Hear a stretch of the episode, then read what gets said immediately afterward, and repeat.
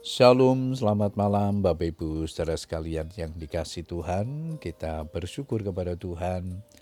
Malam hari ini sebelum kita beristirahat, kita diberikan kesempatan untuk datang bersekutu, memuji dan menyembah Tuhan.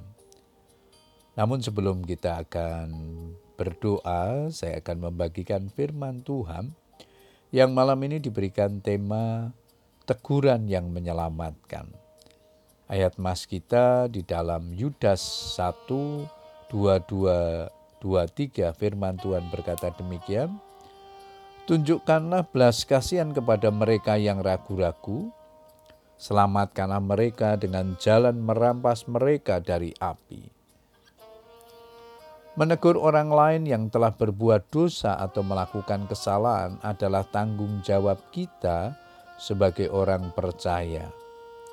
Apabila teguran tersebut membuat orang tersebut menyesali perbuatannya dan kemudian bertobat, itu sama artinya kita telah menyelamatkan mereka dengan jalan merampas mereka dari api sebagaimana yang disampaikan oleh Tuhan Yesus. Jika ia mendengarkan nasihatmu, engkau telah mendapatkannya kembali. Matius 18 ayat 15. Persoalannya, ada banyak orang Kristen yang bersikap cuek, masa bodoh dan berlagak pura-pura tidak tahu ketika melihat orang lain jatuh dalam dosa.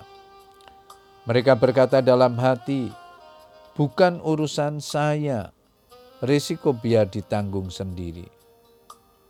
Firman Tuhan menyatakan, "Nasihatilah seorang akan yang lain setiap hari." Selama masih dapat dikatakan hari ini, supaya jangan ada di antara kamu yang menjadi tegar hatinya karena tipu daya dosa. Ibrani 3 ayat yang ke-13. Menegur orang yang berbuat dosa atau kesalahan membutuhkan kesabaran yang sangat ekstra dan kita pun harus peka terhadap situasi dan kondisinya. Tidak boleh sembarangan Hal penting lain yang harus diperhatikan adalah sikap kita dalam menegur. Berdoalah terlebih dahulu kepada Tuhan agar Ia memberikan hikmat bagaimana kita harus berkata-kata.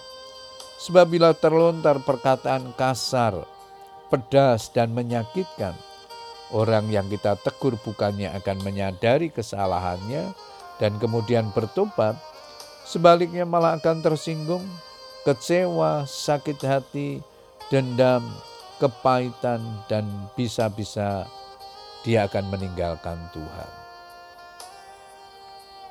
Jika teguran dengan cara pertama, yaitu di bawah empat mata, ternyata mengalami kegagalan.